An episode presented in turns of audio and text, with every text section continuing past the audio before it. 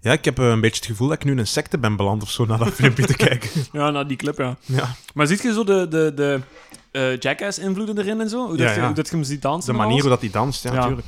En even ter verduidelijking, ehm, wie heeft die eh music video, eh, of MTV Video Music Awards gewonnen? Dat was Spike Lee, hè.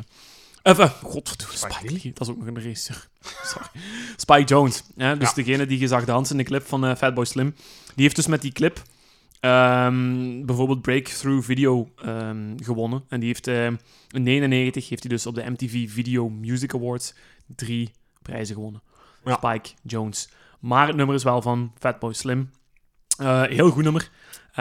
En eh, nog even over die Spike Jones. Een heel interessante figuur, want die gaat ook nog een clip maken voor Fatboy Slim voor zijn derde album.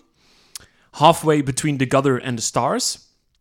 En er is een heel bekend eh, nummer op, Weapon of Choice. Ken ik niet. En je gaat dat kennen, want dat werd gebruikt bij, ik denk, dat programma op VT4 met Rani de Koning. Huizenjacht of huizenrenovatie of zoiets. Of, of mijn restaurant. Oh, ik weet niet meer. Mijn restaurant was dat? Ach, ik weet niet. Ik Weapon of Choice. Weapon of Choice. Je gaat dat kennen als je dat opzet. En daar zit... Zet, zet ik het even op? ehm, ja, ja, mocht dat.